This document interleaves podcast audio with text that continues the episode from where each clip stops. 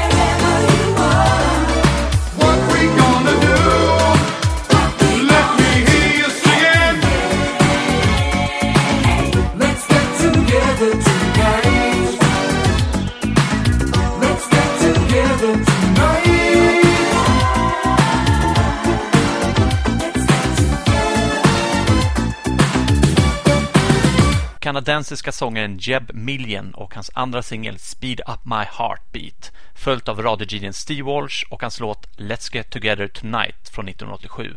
Steve dog tragiskt efter en bilolycka på Ibiza året efter. Men nu tycker jag vi ökar tempot lite med Dance Society och Say It Again.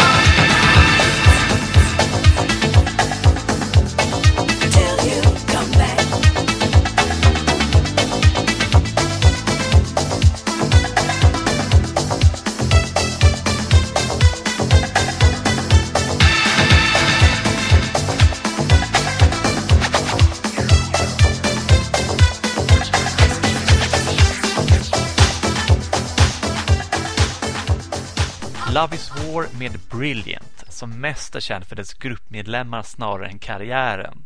Gruppen bestod nämligen av bland annat en före detta Killing Joke-medlem, men framför allt den framtida duon som senare bildade KLF. Det ni hörde efteråt var något helt annat. Det var Roland Rat som var en, en puppet, en handhållen docka i ett brittiskt barnprogram som blev en mindre tv-kändis och även då gjorde lite musik. Det här var den instrumentala versionen av den någorlunda hitten Living Legend utan råttans så kallade rap, tack och lov. Inte bara producerade och skrev så åt andra, ett par gånger släppte de faktiskt musik själva. Här är deras väldigt hausiga låt SS Paparazzi från 1988.